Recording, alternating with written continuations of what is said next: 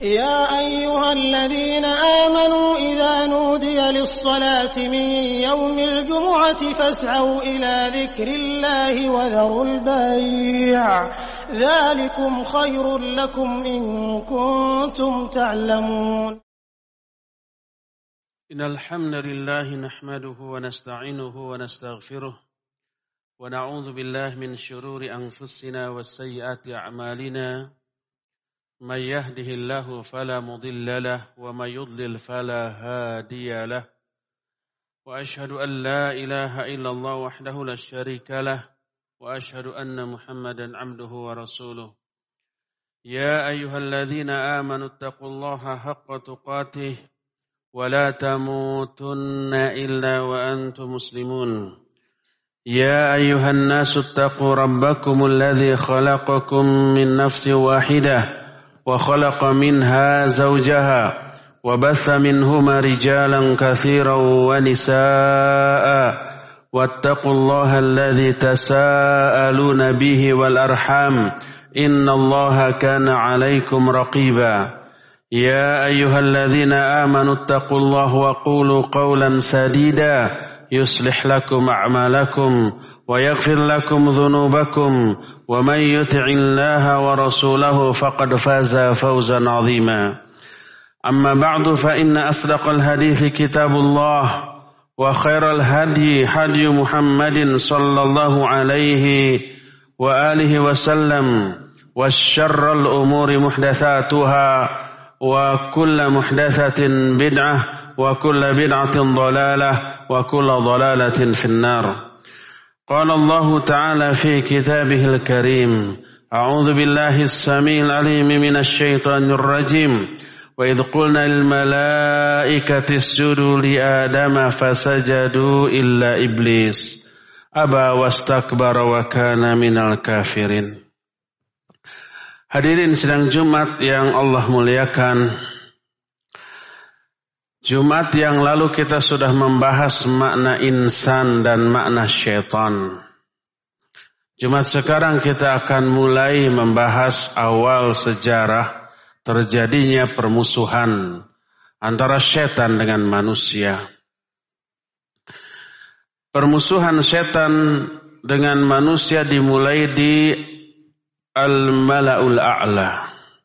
Al-Mala'ul A'la di langit di surga yang saat itu iblis hidup di sana termasuk para malaikat juga. iblis beribadah kepada Allah Azza wa dengan sangat hebat. Imam Al-Qurtubi rahimahullah dalam kitab At-Tadhkirah menyatakan iblis beribadah selama 80 ribu tahun dengan ibadah yang hebat. Karena itu muncul takabur di dalam dirinya. Karena merasa ibadahnya lebih bagus daripada yang lain. Ketakaburan ini tak ada seorang pun yang mengetahui. Kecuali Allah Azza Malaikat nggak tahu. Dan Allah ingin membongkar, ingin menampakkan ketakaburan iblis ini kepada yang lainnya. Salah satunya dengan cara diciptakannya lah Adam oleh Allah Subhanahu wa taala. Allah Subhanahu wa taala menjadikan Adam sebagai khalifah di muka bumi kelak. Tapi sebelum diturunkan ke muka bumi, sejarah tentang asal mula terjadinya kehidupan di muka bumi dimulai di surga. Ketika Adam diciptakan, maka para malaikat iblis dikumpulkan. Kemudian disuruhlah mereka sujud kepada Adam. Malaikat yang selama ini sujudnya lillah karena Allah. Sujudnya karena ketaatan kepada Allah. Mereka ibadah karena tunduk dan patuhnya mereka kepada Allah. Jadi pas Allah memerintahkan mereka untuk sujud kepada Adam, mereka tidak berpikir dua kali langsung sujud. Sujudnya kepada Adam bukan dalam rangka beribadah kepada Adam. Tapi dalam rangka melaksanakan perintah Allah. Ibadahnya kepada Allah. Sujudnya kepada Adam dalam rangka menghormat atau menghargai. Karena pada zaman dahulu menghormat dengan cara sujud dibolehkan. Para malaikat sujud kepada Adam dalam rangka menghormat atau menghargai. Zaman dahulu Nabi Yusuf dan anak-anaknya bersujud kepada orang tuanya, kepada Nabi Yakub. Saudara-saudara Yusuf sujud kepada Yusuf. Itu dibolehkan pada zaman dahulu. Tapi ketika di zaman Nabi Muhammad SAW, aturan itu oleh Allah dirubah jadi dilarang sujud kepada sesama manusia walaupun sujud dalam rangka menghormat bukan dalam rangka ibadah. Berkata Nabi Shallallahu alaihi wasallam, "Lau kuntu amiron ayas Judali ahadin" Lau kuntu amiran ahadan ayas Judali ahadin la amartul mar'ata litasjuda li zawjiha li azmi haqqihi 'alaiha. Kalau anda, seandainya aku berhak menyuruh seseorang untuk sujud kepada orang lain, niscaya akan aku perintahkan para istri untuk sujud kepada suaminya saking besarnya hak-hak suami atas istrinya. Seandainya berhak, tapi Nabi tidak berhak. Allah juga tidak mensyariatkan seorang istri untuk sujud. Karena itulah maka kalau istri yang harus menunaikan hak suami tidak boleh sujud kepada suami walaupun dalam rangka menghormati apalagi yang lainnya tidak boleh seseorang sujud kepada orang lain baik untuk ibadah ataupun untuk menghormat tapi zaman dulu ya dibolehkan karena syariat dari satu zaman nabi ke nabi yang lainnya berbeda waktu itu dibolehkan sujud Para malaikat disuruh sujud dalam rangka menghormat bukan dalam rangka ibadah. Maka malaikat yang tawadhu yang handap asor kata orang Sundama.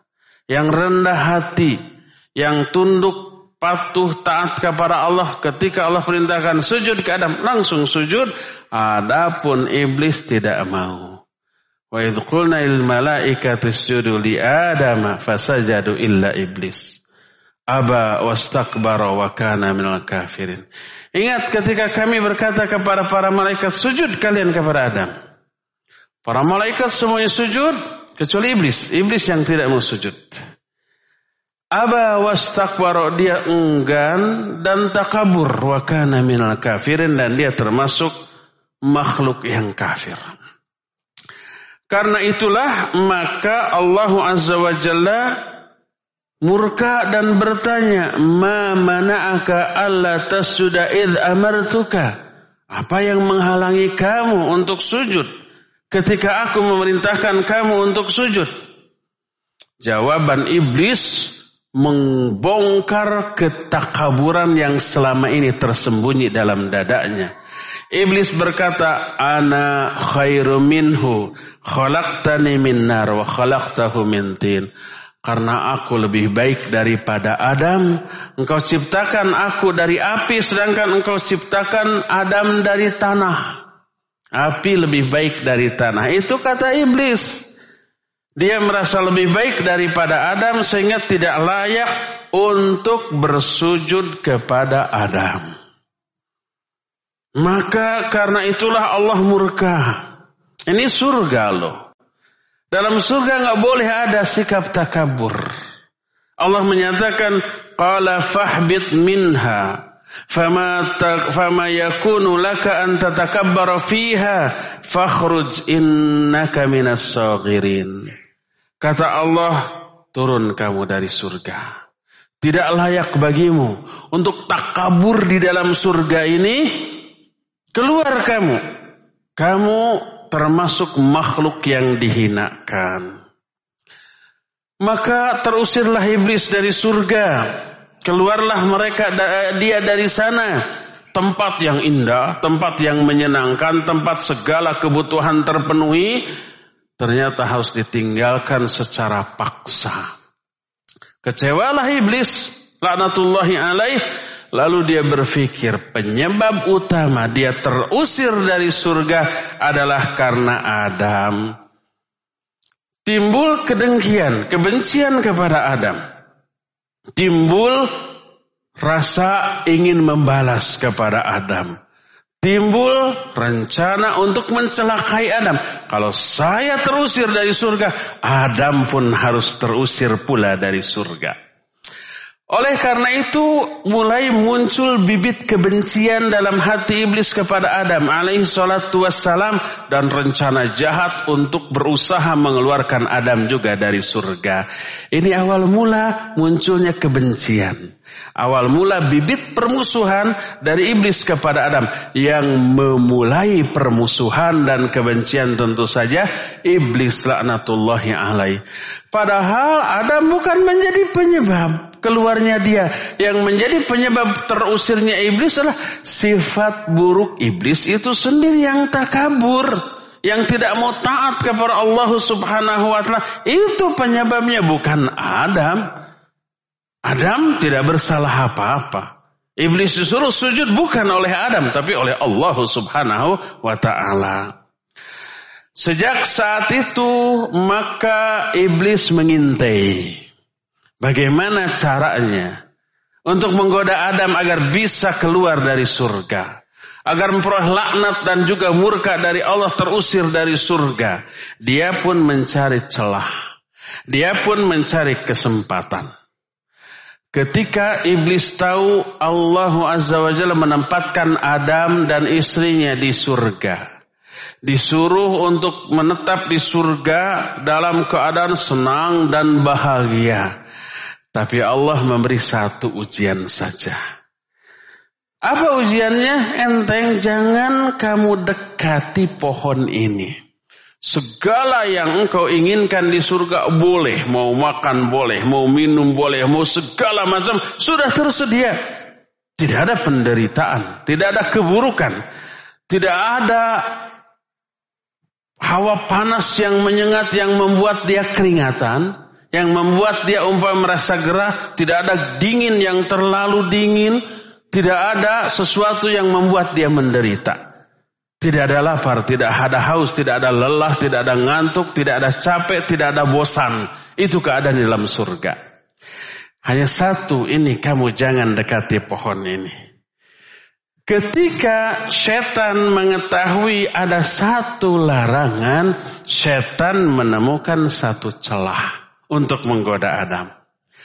Mulailah dia menyelinap kembali masuk ke, ke surga dan Allah memberi kesempatan kepada iblis untuk menyelinap masuk ke dalam surga.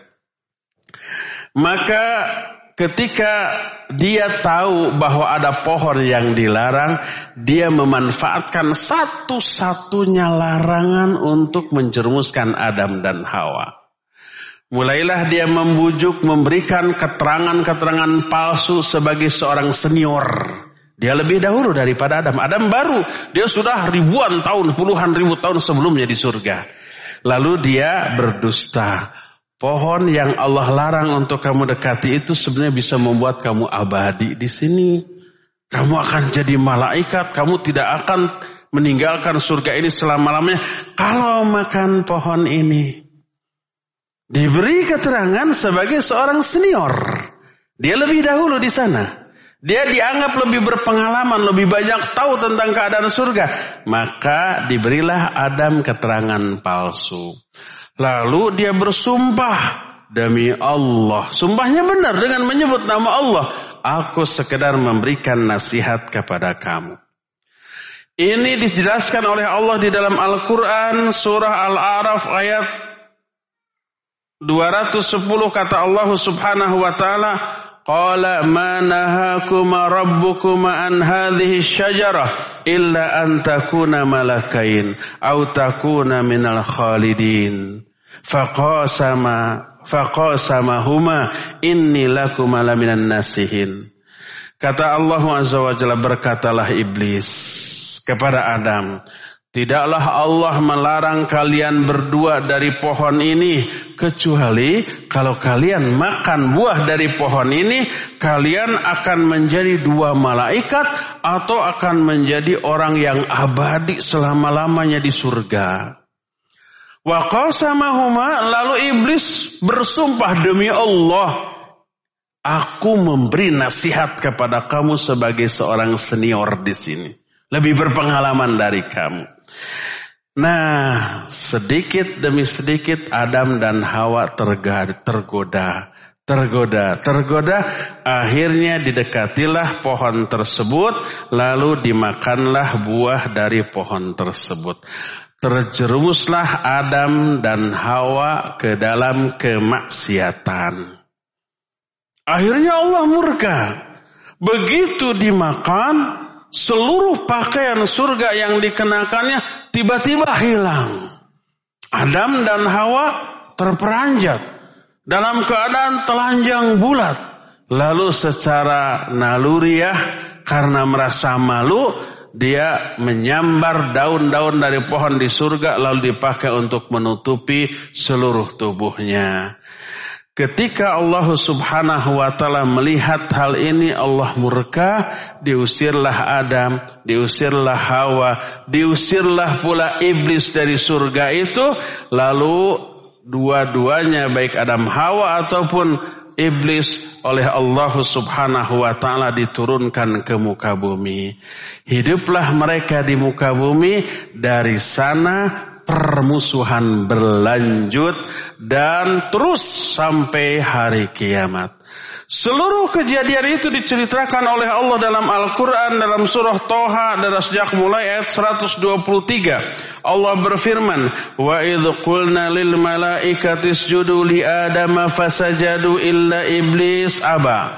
Fakulna ya Adam, inna hadha awuduwun laka walizaujika li zawjika, fala yukhrijannakuma minal jannah fatasqa. Fala yukhrijannakuma minal jannati fatasqa. تشقى إن لك ألا تجوع فيها ولا تأرى وأنها لا تدمع فيها ولا تضحى فوسوس إليه الشيطان Qala ya Adam hal adulluka ala sajaratil khuldi wa mulkin la yabla fa akala minha fabadat lahuma sawatuhuma wa tafiqa yakhsifani alaihi min waraqil jannah wa asa adamu rabb wa asa adamu rabbahu fagawa ثم اجتباه ربه فتاب عليه وهدى قال اهبط منها جميعا بعضكم لبعض عدو Kata Allah Subhanahu wa taala, "Ingatlah ketika kami berkata kepada para malaikat, sujudlah kalian kepada Adam." Seluruhnya sujud kecuali iblis. Dia tidak mau sujud. Lalu berkatalah Allah wahai Adam, sesungguhnya iblis itu musuh yang nyata bagi kamu dan bagi istrimu. Jangan sampai iblis mengeluarkan kamu dari surga lalu kamu binasa. Sesungguhnya bagi kamu di surga tidak akan ada rasa lapar, tidak akan ada telanjang. Kamu di dalamnya tidak akan haus dan tidak akan kepanasan. Lalu setan membisikkan kepada Adam, "Hei Adam, mau nggak aku tunjukkan kepada kamu satu pohon keabadian yang tidak pernah musnah, tidak pernah mati atau tidak pernah hancur?" Lalu tunjukkanlah ke pohon yang dilarang. Adam dan Hawa memakan buah dari pohon itu, lalu terbukalah seluruh auratnya. Adam dan Hawa kemudian memetik daun-daun surga untuk menutupi auratnya. Adam bermaksiat kepada Allah lalu tersesat. Kemudian Allah memilih Adam memberi hidayah untuk tobat. Lalu Adam pun tobat dan diterima tobatnya lalu Allah memberi hidayah kepadanya. Lalu Allah berkata, keluarlah kalian berdua dari surga semuanya. Sebagian kalian menjadi musuh bagi sebagian yang lain. Lalu turunlah Adam, turunlah Hawa, turunlah Iblis ke alam dunia dalam keadaan sebagai musuh satu sama lain lalu kehidupan pun dimulai dari sana membawa permusuhan yang abadi antara iblis dan Adam serta anak turunannya. Barakallahu li wa lakum fil Qur'an azim wa nafa'ni wa iyyakum bima fihi minal ayati wa dzikril hakim wa taqabbalallahu minna wa minkum tilawatahu innahu huwas samiul alim.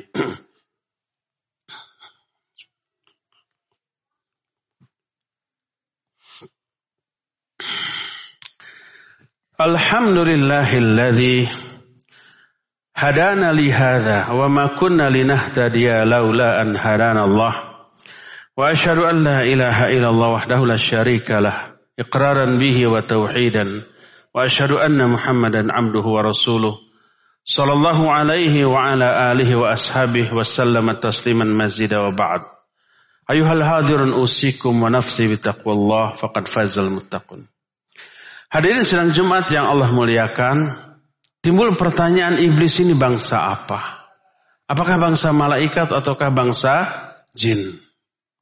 Kenapa ada pembahasan masalah ini? Sebab dari ayat yang tadi Allah berfirman kepada para malaikat, sujud kalian kepada Adam. Semua malaikat sujud kecuali iblis. Ada kesan iblis golongan malaikat malaikat yang durhaka. Ini keliru. Malaikat tidak ada yang durhaka. Kedua, malaikat diciptakan dari dari cahaya. Sedangkan iblis diciptakan dari api. Yang diciptakan dari api adalah bangsa jin. Khuliqatil malaikatu min Wa khuliqal jannu mim Malaikat diciptakan dari cahaya, sedangkan bangsa jin diciptakan dari api. Ketika iblis tidak mau sujud lalu ditegur oleh Allah, kenapa kamu nggak mau sujud? Dia bilang, saya lebih baik dari Adam. Engkau ciptakan saya dari api. Adam engkau ciptakan dari tanah menunjukkan iblis bangsa jin. Dan ini ditegaskan oleh Allah dalam surah Al-Kahfi. Ketika Allah menyatakan wa idkhulna lil malaikati isjudu li adama fasajadu illa iblis kana minal jinni fafasaqa an amri rabbih. Ingat ketika kami berkata kepada para malaikat, sujudlah kamu kepada Adam. Semua malaikat sujud kecuali iblis. Kana minal jinni iblis itu bangsa jin. Fafasaqo an amri rabbih lalu dia durhaka kepada perintah Allah. Ayat-ayat yang tadi tekankan nah, dikemukakan menegaskan bahwa jin bahwa iblis adalah bangsa jin, bukan bangsa malaikat. Pantas dia durhaka Adapun para malaikat tak ada satupun di antara malaikat yang durhaka kepada Allah. La ya'sunallaha ma amarahum wa yaf'aluna ma yu'marun. Para malaikat itu tidak pernah bermaksiat kepada Allah tentang apa yang Allah perintahkan, selalu melaksanakan apapun yang Allah instruksikan. Ketika orang-orang kafir berkata, "Ittakhadallahu walada." Allah memiliki anak. Kata orang-orang kafir. Yang dimaksud anak oleh orang kafir adalah para malaikat. Berjenis kelamin perempuan. Mereka meyakini malaikat itu jenis kelaminnya perempuan dan itu anak-anak Allah. Oleh Allah langsung dibantah subhanah. Maha suci Allah. Bala ibadum mukramun. Tapi para malaikatlah hamba-hamba kami yang kami muliakan. Dimuliakan oleh Allah para malaikat karena ketundukan, kepatuhan dan ketaatannya. Jadi iblis bukanlah golongan malaikat. Dia golongan bangsa jin.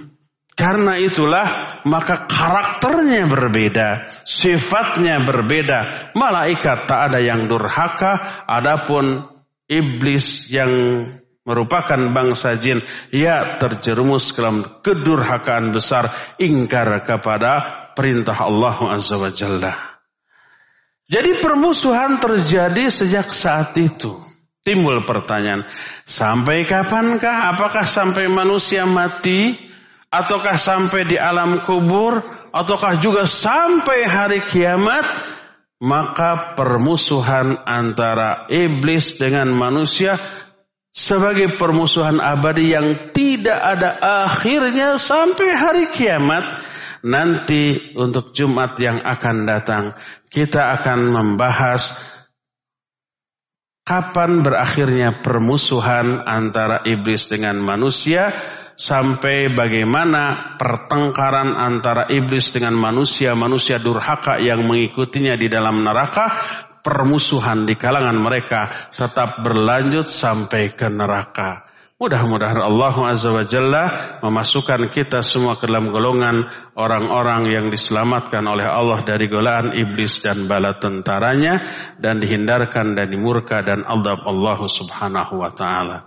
Inna Allah wa malaikatahu yusalluna nabi Ya ayuhalladzina amanu sallu alaihi wa taslima Allahumma salli ala muhammadin nabiyin ummi wa ala alihi wa sallam اللهم اغفر للمؤمنين والمؤمنات والمسلمين والمسلمات الأحياء منهم والأموات اللهم اغفر لنا ولوالدينا وارحمهما كما ربيانا صغارا ربنا ظلمنا أنفسنا وإن لم تغفر لنا وترحمنا لنكونن من الخاسرين ربنا اغفر لنا ولإخواننا الذين سبقونا بالإيمان ولا تجعل في قلوبنا غلا للذين آمنوا ربنا إنك رؤوف رحيم ربنا لا تؤاخذنا إن نسينا أو أخطأنا ربنا ولا تحمل علينا إسرا كما حملته على الذين من قبلنا ربنا ولا تحملنا ما لا طاقة لنا به واعف عنا